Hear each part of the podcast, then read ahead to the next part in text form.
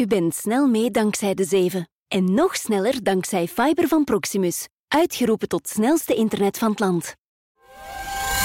Welkom bij de 7 van de tijd. Elke dag om 7 uur. Onze blik op de zaken in 7 punten. Dit is Bert Rijmen. Goedemorgen. Bij een verschrikkelijke terreuraanslag in Brussel zijn gisteravond twee Zweedse voetbalsupporters gedood. De dader is vanmorgen neergeschoten in Schaarbeek. In de hoofdstad blijft het hoogste dreigingsniveau tot nader order wel nog van kracht. Tienduizenden Vlamingen staan op een wachtlijst voor een huurkoopwoning. Door de hoge vastgoedprijzen en de gestegen rente wordt huurkoop populairder. Maar wat is dat precies en voor wie is het interessant?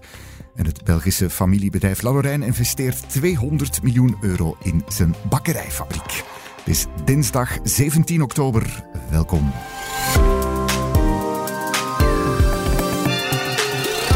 De 7 van de tijd. 1. De dader van de terreuraanslag in Brussel is vanmorgen neergeschoten in een café in Schaarbeek. Dat heeft minister van Binnenlandse Zaken Annelies Verlinde zo net bevestigd.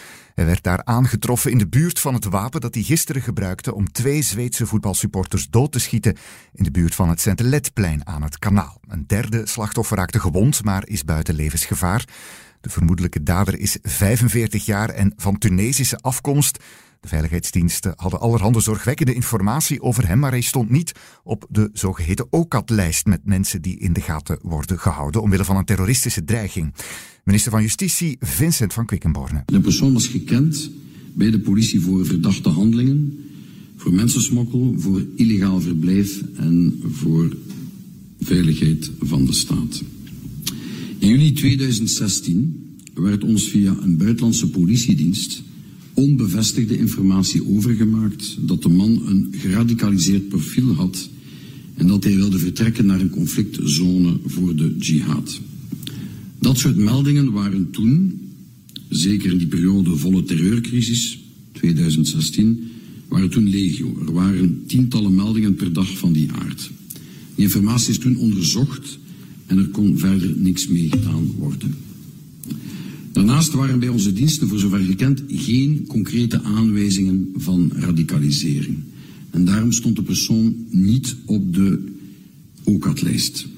Volgens Van Quickenborne gingen uitgerekend vandaag de veiligheidsdiensten overleggen om te bekijken of de man toch niet op de lijst terecht moest komen. Om drie uur vanmiddag is er nog een nieuwe Nationale Veiligheidsraad.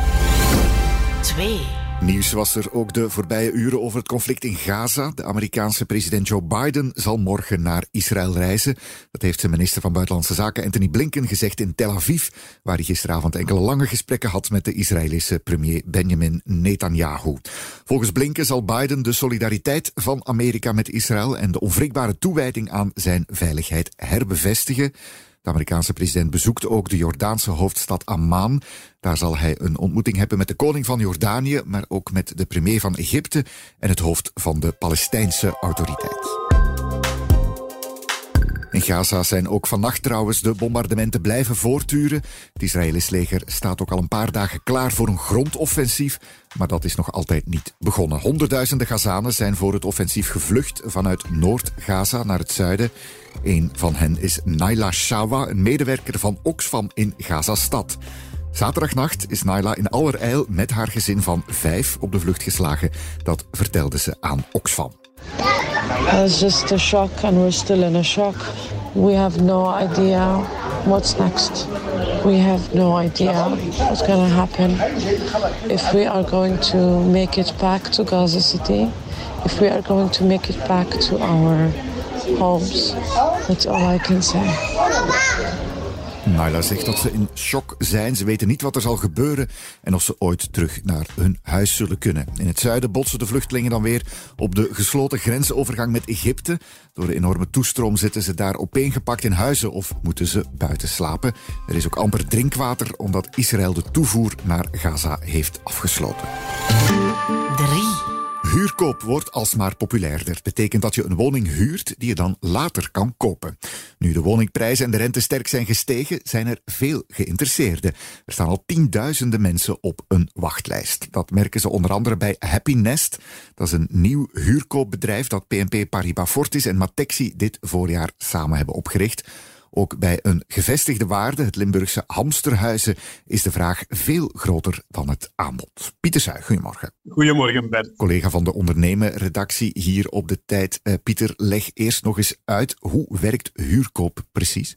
Huurkopen is eigenlijk een formule waarbij gezinnen een woning eerst voor een bepaalde periode kunnen huren, mhm. om die dan later op een bepaald tijdstip te kopen. Dat gebeurt dan aan een bedrag dat vooraf is afgesproken met de eigenaars. Dat bedrag wordt vaak wel enigszins geïndexeerd. Mm -hmm die manier van werken is vooral interessant voor jonge gezinnen vaak, die in het begin van een zoektocht naar een woning niet altijd de middelen hebben om een eigen woning te kopen, of bij de bank niet meteen aan een lening geraken. Er wordt altijd gezegd dat ja, als je huurt, geef je dat geld weg.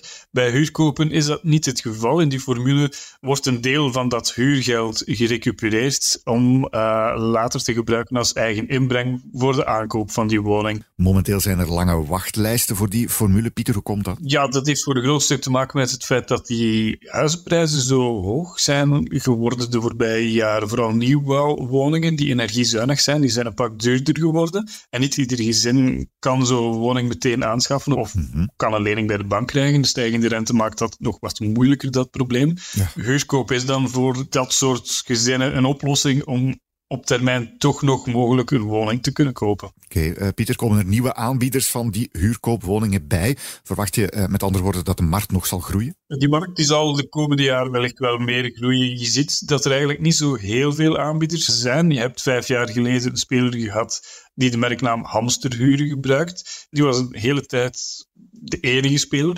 Sinds enkele maanden zijn BNP Paribas Fortis en de bouwgroep Matexi zich ook op die markt beginnen manifesteren via hun joint venture Happinest. En daarnaast heb je nog een aantal kleinere spelers die ook die markt zijn aan het aftasten. En waarschijnlijk ook ja, de komende maanden, jaren misschien toch nog een versnelling hoger zullen schakelen. Net omdat die vraag zo groot is. Dankjewel, Pieter. Graag gedaan. Dit is zeker het grootste plan dat we ooit in België, onze thuismarkt, hebben uitgevoerd. En het behelst een budget van 200 miljoen in totaal. Dat was Guido van Herpen, CEO van La Lorraine, de grootste industriële bakkerij van ons land. Die investeren 200 miljoen euro om fors uit te breiden. Bij La Lorraine maken ze bakkerijproducten, zowel vers als diepvries, voor supermarkten, horecazaken en het bedrijf is ook eigenaar van de broodjesketen Panos en Dailyway. De fabriek in het Oost-Vlaamse Erpenmeren was in de jaren 80 de bakermat van nieuwe diepvriestechnologie. Maar 30 jaar later was een zware investering om de fabriek te vernieuwen broodnodig. Het laat ons ook toe om in te zetten op mogelijkheden tot innovatie. In brood betekent dat andere recepturen, vezelrijk, granen en zaden die vandaag zeer sterk in de trend liggen van de consument, maar ook mooiere, artisanalere afwerkingen. En in termen van donuts betekent dat donuts met vullingmogelijkheden, uh, decoratiemogelijkheden, zodanig dat we ook daar het verschil kunnen maken in de markt. Er zijn nu al vier nieuwe productielijnen bijgekomen in Erpenmeren.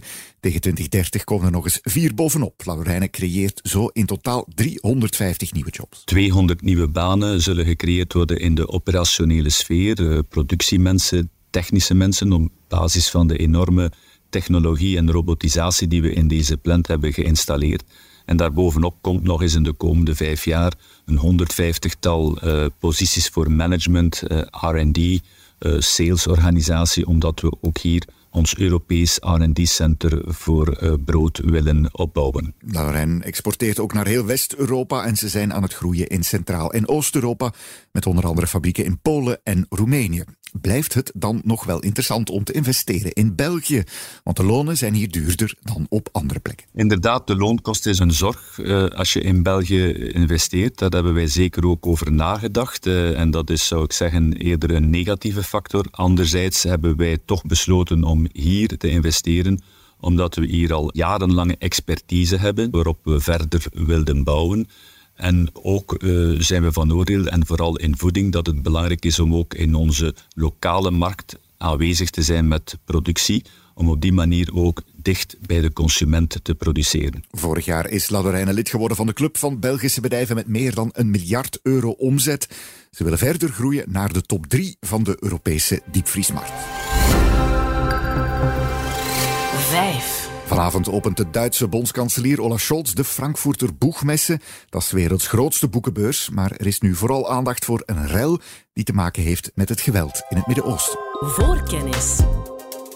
Officieel staat de boegmesse dit jaar in het teken van gastland Slovenië. De Sloveense president opent vanavond mee de 75ste editie. Maar de komende dagen zal er wellicht meer gediscussieerd worden over de literaire ruzie die is losgebarsten. De Palestijnse schrijfster Adania Shibli ging donderdag normaal gezien de jaarlijkse Liberatourprijs ontvangen. Maar in de aanloop naar die ceremonie begonnen sommige Duitse journalisten Shibli te beschuldigen van antisemitisme. In haar roman Een klein detail over de verkrachting van een Bedouinenmeisje door een Israëlische legereenheid zou de schrijfster de Israëli's neerzetten als moordenaars en verkrachters en Palestijnen als slachtoffers van een bezettingsmacht. De organisatoren besloten daarop om de uitreiking uit te stellen naar een ander tijdstip. Maar dat lokte dan weer boze reacties uit in de literaire wereld. Meer dan 350 auteurs, onder wie Nobelprijswinnares Olga Tokarczuk en Ian McEwan, hebben de beslissing van de organisatoren aangeklaagd in een open brief. Zij zijn van mening dat Palestijnse stemmen het zwijgen wordt opgelegd. 6.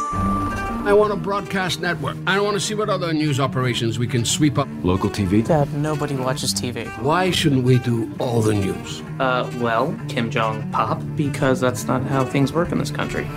Een fragment uit de razend populaire HBO-serie Succession. Dat is een van de dingen die volgend jaar te zien zullen zijn op Max, de nieuwe speler op de Belgische streamingmarkt. Daarop zal je zowel het aanbod van HBO als dat van Discovery Plus kunnen bingen. Max is de vernieuwde streamingdienst van de Amerikaanse entertainmentreus Warner Bros. Discovery.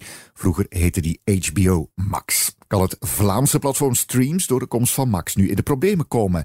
Zij hadden immers een deal met HBO om hun content exclusief te mogen aanbieden in Vlaanderen. Redacteur van onze ondernemerredactie, Marie van Oost. Goedemorgen. Goedemorgen. De streamingdienst Max, Marie, komt dus naar België. Wat kunnen we daar precies van verwachten? Max is uh, ontstaan als een manier van Warner Brothers Discovery om een breder publiek aan te spreken. Ze hebben na die fusie begin dit jaar doelbewust uh, die twee uiteenlopende catalogus samengegooid. Enerzijds HBO Max met de premium fictiereeksen, zoals Game of Thrones, uh, Succession. En anderzijds Discovery Plus, waar meer reality TV en kookprogramma's te zien zijn. Mm -hmm. Om een zo breed mogelijk publiek aan te trekken. En die vernieuwde dienst is een paar maanden geleden gelanceerd in de VS. En nu komt het dus ook naar Europa om uh, extra zieltjes te winnen. En voor België is er nog geen concrete datum, maar uh, het zou nog niet bij de eerste golf horen, maar eerder later op het jaar bij ons gelanceerd worden. Iets om naar uit te kijken, Marie, behalve dan misschien voor het Vlaamse platform Streams. Komen zij daar eigenlijk in de problemen? Ze hadden die exclusieve deal met HBO, loopt nog tot de lancering van Max, blijkbaar. Maar ja, wat nadien? Ja, dat is de grote onzekerheid hè, over wat er dan gebeurt. Eenmaal Max er zal zijn in België. Daar wil Streams gisteren geen commentaar op geven. Maar het is alles een feit dat het heel erg op het HBO-aanbod steunt voor zijn succes. En als dat zou wegvallen, zou dat wel een serieuze aderlating betekenen. Um, de streamingmarkt in Vlaanderen is er ook niet eenvoudiger op geworden. De betalende platformen zijn, zijn bijna niet meer te tellen op, op twee handen. Ondertussen heb je ook de klassieke tv-zenders die allemaal een app hebben waar je gratis naar de reguliere tv-programma's kan kijken. Mm-hmm. En dan is de vraag hoe Streams zich in al die weelden zal kunnen onderscheiden zonder de goudhaatjes van HBO. De laatste maanden is de focus bij Streams wel verschoven naar Vlaamse reeksen, die ze zelf ook produceren. Daar investeren ze ook meer en meer in. Maar of dat voldoende zal zijn, uh, dat zal moeten blijken. Dankjewel, Marie. Graag gedaan. 7. In a place of La Mancha, there's a small village that is on the verge of desolation. Not a storm. That's a giant stormy monster. Na het nieuws over Max nog een filmtrailer, maar dan voor een iets ander doelpubliek.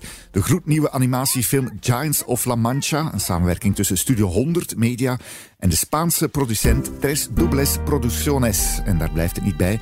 Studio 100 wordt aandeelhouder van zijn Spaanse sectorgenoot. Spaanse bedrijf heeft zijn thuisbasis op het eiland Tenerife. Dat is blijkbaar geen toeval, want de Canarische eilanden zijn een magneet geworden voor de animatiesector, onder andere door overheidssubsidies. De laatste jaren zijn er zo'n 25 animatiebedrijven gestart. Niet slecht voor een eilandengroep die toch vooral leeft van toerisme. Studio 100 neemt nu dus een belang in Tres Doubles Producciones. Hoeveel procent van de aandelen weten we niet en de financiële details blijven ook geheim. Studio 100 zal de producties van de Spaanse studio wel verdelen en daarnaast zullen de twee samen nieuwe films series maken. Daarmee zit deze de zeven er weer op. Het was er geen vrolijke. De terroristische aanslag in Brussel gisteravond is daarvoor te verschrikkelijk. Als je de situatie verder wil opvolgen, check dan tijd.be. Daar vind je steeds het meest recente nieuws. Toch nog een fijne dag gewenst en tot morgen. Dit was De Zeven met Bert Rijmen. Productie door Lara Droesaert van op de redactie van De Tijd. Bedankt om te luisteren. Morgen zijn we er weer. Tot dan. Met Fiber van Proximus download en upload u in een mum van tijd documenten, grote bestanden of podcasts, zoals degene waar u net naar luisterde. Met onze internetverbinding, uitgeroepen tot snelste van het land door de onafhankelijke speedtest van Ookla, garanderen we uw zaak de beste prestaties. Lees er alles over op proximus.be/slash businessflex. Meer weten? Onze 300 business experts staan klaar om u verder te helpen. Proximus. Think possible. De nieuwe ontwikkelingen van artificiële intelligentie komen in golven op ons af. Binnenkort zal AI naadloos verweven zijn in diverse aspecten van ons leven. De maakindustrie, de gezondheidszorg of misschien zelfs op de werkvloer. Zal dit de productiviteit verhogen? Zullen complexe vraagstukken in de gezondheidszorg sneller een antwoord krijgen en zal AI voor nog een betere tijdsindeling zorgen op de werkvloer? EY biedt al een glimp van dat toekomstbeeld. Wil je graag meer lezen of luisteren over AI? Ontdek alle andere artikels en podcasts via tijd.be/inzicht.